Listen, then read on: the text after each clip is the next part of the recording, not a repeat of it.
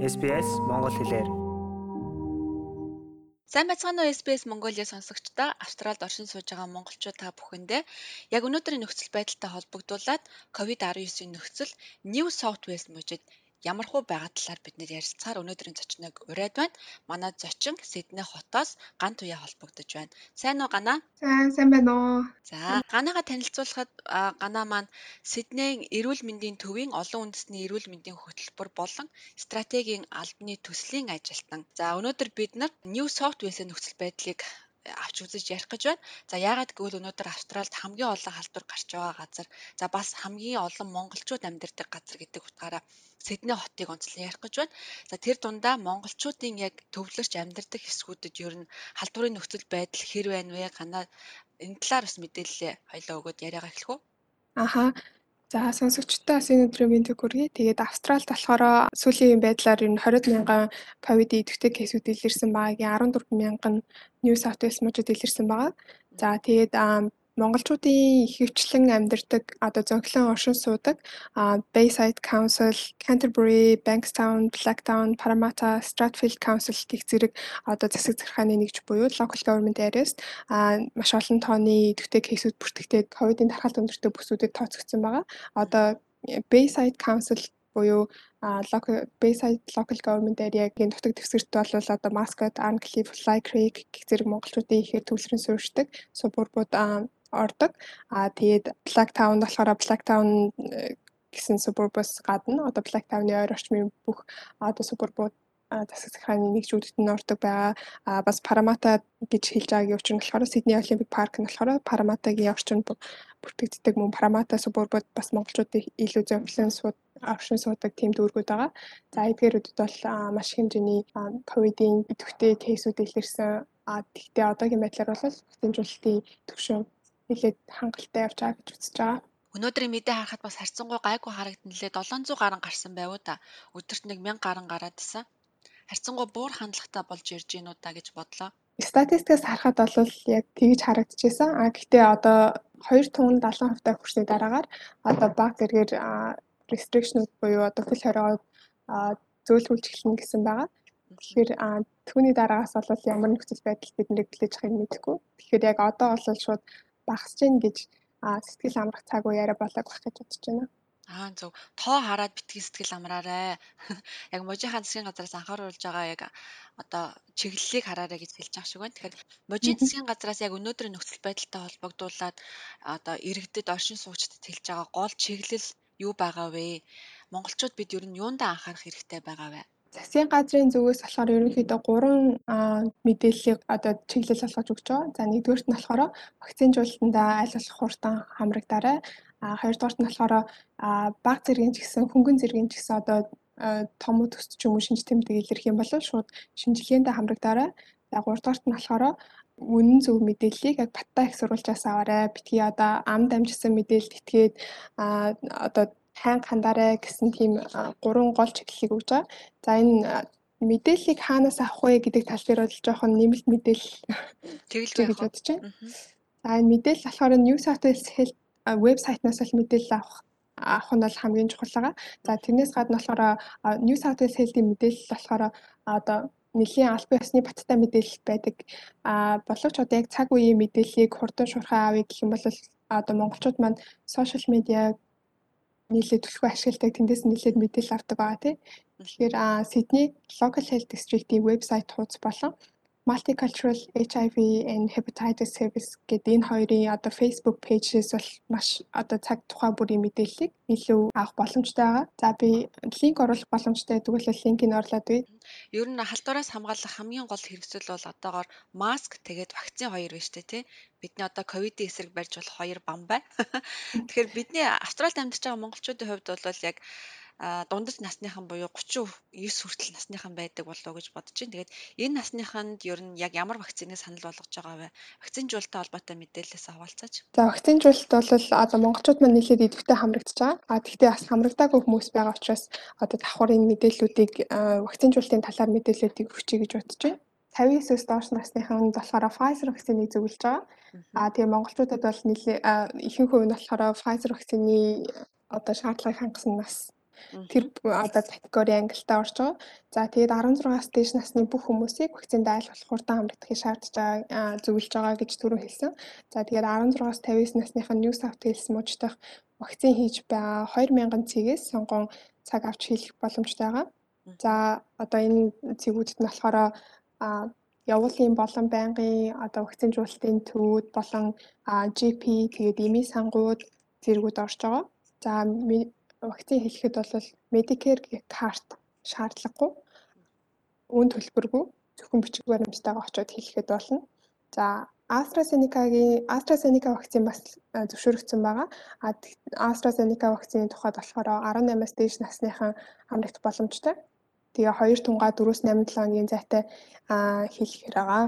За тэгээд одоо 2019 21 оны 9 сарын 20-наас хойш 12-оос 15 насныхныг вакцинжуулалтанд хамрагдахыг зөвлөж байгаа. Энэ насны ангиллийнхан болохоор Moderna болон Pfizer вакцинаас сонгож хийх боломжтой байгаа. За хүүхдүүд өөртөө биш аав ээж нь болон асран хамгаалагчид нь цаг авч зөвшөөрлөг олгосны дагуу одоо хамт очиж хийх ёстой байгаа. 16-аас 59 насныхны тухайд болохоор түрүүн хэлсэнчлэн Pfizer вакциныг хийх боломжтой. Аа тэгээд Сиднейд болохоор нэлээд олон цэгүүд ажиллаж байгаа. За 16-аас 59 насныхны тухайд бол Pfizer вакциныг хийх боломжтой байгаа. Түрүүн хэлсэнчлэн Сиднейд бол маш олон вакцин хийх боломжтой цэгүүд ажиллаж байгаа. За түүний талаар мэдээллийг New South Wales-ийн засгийн газрын веб хуудаснаас авах боломжтой. Аа би линкийг нь тантай хуваалцчээ та тэгээд цааш нь боломжтой шеэр хийгээд өгөөрэй. Аа тэгээд маш олон маш олон монголчууд маш олон хүмүүс идэвхтэйгээр одоо вакцинжуулалтандаа хамрагдаж байгаа. А түнд бол нэг талархалтай сэтгэл хангалуун байгаа. А гэхдээ бас вакцина хийхээгүй хүмүүс вакцина хийлгэж амжаагүй хүмүүс бас байгаа даа. Тэгээд вакцина хийлгэж амжаагүй хүмүүс ялангуяа харьцангуй залуу хүмүүсээс нь ч хамаагүй халдвар аваад ковид-19-ийн хүн дэлбэрээр нилээдгүй өвдөж байгаа. Тийм тохиолдол байгаа. Одоо тэгэхээр би гайгүй би залуу юм чинь гэж бодож одоо цалгардуулалгүйгээр вакциндаа хамрагдаарай гэж зөвлөмөр байна. Аа тэгээд ойр тойрныхоо хүмүүсээс, ойр дотныхоо хүмүүсээс вакцина хийлгэсэн эсхийг нь асуугаад хийлгээг бол ямар нэгэн тусламж хэрэгтэй бол туслаад эсвэл тусалж чадах хүнтэй холбож өгөөд бүгдээрээ айлуулах одоо олон нийтээрээ нийгмээрээ вакцинжуулалтанд хамрагдахыг уриалж байна одоо би хэлгэсэн юм чинь гэж суулгүйгээр бас ойр тойрныхандаа ч гэсэн анхаарал хандуулад тэр хэлгэсэн болов энэ хэлгэсэн болов гэд одоо хамт бүгдээрээ вакцинд хамрагдмаар байна шүү. Айг өнөөдрийн байдлаар Австрали бол гурван төрлийн вакцин санал болгож байгаа. AstraZeneca, Moderna тэгээ Pfizer тий. Тэгэхээр энэ вакцинуудын тухайд хоёулаа аюулгүй байдал бидний хэдэн хувь хамгаалт болж чадах тухайд нь мэдээлэл өгвөл. За Австрали хийгдэж байгаа бүх вакцинууд болохоор бүх эрүүл мэндийн шаардлага болон одоо үр дүнгийн шалгууруудыг бүгдийг хангасны үндсэн дээр вакцин одоо Австрали хийгдэх эрхүүдээ авсан байгаа. Одоо маш олон дамжлагыг давж эрүүл мэндийн дата болон найрлага, химийн бодис үйлдвэрлэл зэрэгээс нь хамаар үйлдвэрлэх зэргийг нь хараалцсан үзээд одоо бас бүх зүйлүүдийг нь хараалцсан үндэсний үндэсний үндсэн дээр үр дүнтэй болон хүнд ямар нэгэн одоо хор хүнэл багтаа гэсний үндсэн дээр бол австрал хэлхийн зөвшөөрсөн байгаа. За тэгээд гач нөлөөний тухайд гэх юм бол баг зэргийн хөнгөн хэлбэрийн гач нөлөө вакцинжуул хийгдсэний дараа л илэрх боломжтой байдаг. Төөхөн хоног үргэлжлээд зарим хүмүүс нь болохоор одоо тийм томоо төст ийм шинж тэмдгүүд илэрч бас болдог байгаа. А энэ эдгээр нь болохоор одоо маш тийм төгөөмөл тохиолддог одоо вакцины дараах нөлөөнүүд гэсэн. За AstraZeneca вакцины тухайд бол нэлээд жоохон юм сенсацтай мэдээлэл өгсөн баг. А гэхдээ энэ бол маш ховор тохиолддог юм цусны ялтас эсийн бууралттай хавсарсан цуснд бүлэн үүсэх хам шинж гэдэг ийм хам шинж үүсэж байна гэсэн мэдээлэл AstraZeneca-гийн тухай гарсан. За энэ бол маш ховор хэлбэрийн маш цөөн тохиолдолд үүсэх боломжтой ийм цус бүлгэрийн хам шинж байдаг байгаа. Хэрвээ та энэ талаар санаа зовж байгаа юм бол ямар нэгэн асуудал байх юм бол эмчтэйгээ ярилцах хэрэгтэй, GPT-гээ ярилцах хэрэгтэй байгаа шүү. Тэгэхээр одоо New South Wales ер нь заавал New South Wales гэлгүй Melbourne, Sydney хоёр хот бол хөл хорой нэлээд удаан байцлаа л да. Тэгээ удаан ингэж хөл хоройнд байхаар санхүүгэн болоо сэтгэл зүйн хувьд бол маш их асуудал гарч эхэлж байна. Тэгэхээр ажиллаа хийх боломжгүй болсон, хүүхдийн хичээлийг гэрээрээ зааж байгаа За тэгэл халдвар авчих уу гэсэн айдас гээд нэлээд амаргүй өдрүүдийг бид нэр өнгөрүүлж байна. Тэгэхээр санхүүгийн төслөмжийн тухайд бол бид нэр өмнө нь мэдээллийг SBS Mongolia сувгаараа оруулж исэн. Та бас яг одоо энэ салбарт ажиллаж байгаа хүний хувьд сэтгэл зүйн хувьд бид нар хэрхэн тогтвортой байх вэ? Ялангуяа хүүхдийнхээ сэтгэл зүйг яаж хэвийн байлгах талаар товчхон зөвлөгөө өгөөч. За мэдээж нийлээд амаргүй цаг хугацаанууд өнгөрч байна. Тэгээд мэдээж биеийн эрүүл мэндээс гадна сэтгэл зүйн эрүүл мэнд бол маш чухал гэдгийг одоо хүмүүс нэлээдгүй ойлголттой болсон байгаа. Тэгээд өөрсдийнхөө сэтгэл зүйн эрүүл мэнд болон гэр бүл найз нөхдийнхөө сэтгэл зүйн эрүүл мэндийг анхаарч үзнэ гэдэг бол одоо маш чухал асуудал байгаа. А хэрвээ ямар нэгэн танд хүнд асуудал гарах юм бол хамгийн түрүүнд таны холбогдож болох хүн бол GP байгаа. Австралид бол эрүүл мэндийн салбарын нэг одоо нэгдүгээр point of care буюу эхний одоо таны холбогдох хүн чинь бол GP гэж явдаг байгаа. За ямар нэгэн сэтгэл санааны ч гэсэн асуулт гарах асуудал гарах юм бол GP дээр очиод GP-гээс зөвлөгөө авах ч юм уу GP-ийн хэрвээ GP танд одоо эмчтэн танд шаардлагатай гэж үзэх юм бол цааш энэ цаашдын нарийн мэрэгжлийн одоо сэтгэл зүйн зөвлөгөө зэрэг реферал буюу одоо таны илгээх бичиг бичснээр зөвлөгөө болоход зөвлөж өгдөг байгаа. Танд ямар нэг яаралтай тусламж хэрэгтэй юм бол мэдээж triple zero буюу 3 тэг рүү залгаснаар тэгээ яаралтай тусламж авч болно. Тэгээд ойролцоохын emergency буюу яаралтай тусламжийн хэсэг дээр очиж бол очих боломжтой байгаа. А түүнээс гадна бол Австралид маш олон тооны одоо нөгөө уцаар ярьдаг үйлчлэгнүүд байдаг. Эдгээр уцаар ярьдаг сэтгэл зүйн зөвлөгөө өгдөг, сэтгэл зүйн дэмжлэг үзүүлдэг үйлчлэгнүүд нь болохоор 24 цагийн турш ажилладаг. 24 цаг 7 хоногийн турш ажилладаг үндгүүс үйлчлэгнүүд байдаг. Одоо жишээлх юм бол Lifeline Australia гэдэг байгаа. А энэ болохоор 13, 11, 14 гэсэн дугаар байгаа. Энэ болохоор богино хугацааны юм дэмжлэг олгодог. Үнэхээр гинт яхаа мэдхээ болсон ч юм уу те. Сэтгэл зүйн хүнд цохилтонд орсон үедээ бол шууд залах боломжтой байгаа. За Mainline Australia гэдэг байгаа. За энэ болохоор 1378 9978 буюу mainline.org.au гэдэг вебсайтаар бас хандаж болно. А манай Монгол эрэгтэй хүн ер нь монголч гэлтгүй ер нь эрэгтэйчүүдийн тухайд гэвэл нэлээд тотгошоо ч юм уу те хүмүүстэй ярилцах тийм таньдаг хүмүүстэй хамаг юм тоочод байдгүй учраас бас эрсдэл нэлээд үүсээд байгаа.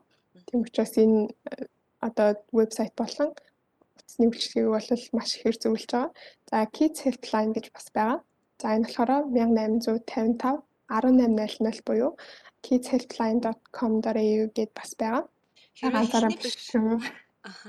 Хэрвээ хэлний бэрхшээлтэй бол энэ үйлчлэгийг авахд ямар нэгэн байдлаар орчуулга авах боломж байдаг болов? Тийм үйлчлэгээ бас байгаа. Одоо TIS буюу Translating Interpreting Service гэдэг энэ үндэсний утас байгаа. Энэ болохоор 13 14 50 гэсэн дугаар руу залгачаад за Mongolian гэж хэлээд а тэгээ холбогдсон орчуулагчтай болохоор ямар дугаарт холбогдмоор байгаагаа хэлэх юм бол одоо ийм гурвалсан яриа хийж болдог. Одоо Монгол орчуулагчтайгаар одоо нүгүүлчлэгээ чинь холбож өгнө гэсэн. За тэгээ орчуулгын үйлчлэгээ гэдэг нь болохоор үн төлбөргүй Тэгээ дээрэс нь таны мэдээллийг одоо цааш задуулахгүйгээр хадгалах хэрэгтэй байдаг тийм үйлчлэгээ байдаг учраас санаа зовлтгүйгээр авч агаарэ гэж хүсмээр байна. Өөр одоо монголчууд яг энэ цаг үетэй холбоотойгоор мэдэх ёстой. Миний асууж амжаагүй зүйл байвал хоёлаа ярилцахаа төгсгөлд хэлээд яриагаа дуусгах уу? За яг асууж амжаагүй зүйл гэхээсээ илүү зүгээр хэлмээр байгаа зүйл нь гэх юм бол одоо өөр өөртөө би болчлоо би болчлоо гэхээсээ гадна би сайн маш сайн ингээ харж хандаад би биэндээ анхаарал хандуулаарэ хард татны хүмүүстэй гайгүй байх гэж битгий орхиорой тэгээд маш сайн ярилцаж би биэндээ одоо тусалж дэмжиж хамт байгаарай л гэж хэлмээр байна. За баярлалаа гана богино хугацаанд монголчуудаа бас хэрэгтэй олон мэдээлэл өглөө. Тэгэхээр сонсож байгаа хүмүүстэй хандаж зочноо нэг удаа танилцуулахад Сиднейн эрүүл мэндийн төвийн олон үндэсний эрүүл мэндийн хөтөлбөр болон стратегийн албаны төслийн ажилтан Ган Туяа манай өнөөдрийн зочноор оролцлоо. Цаг зав гаргаж мэдээлэл хуваалцсан баярлалаа гана. За танд ч гэсэн маш баярлалаа. Австрали улсад амьдарч эхлэх гэж байна уу? Хэрэгтэй мэдээллийг SBS.com.cg-ийн урагшаа зураас Mongolian хуудасаас хүлээн авах нь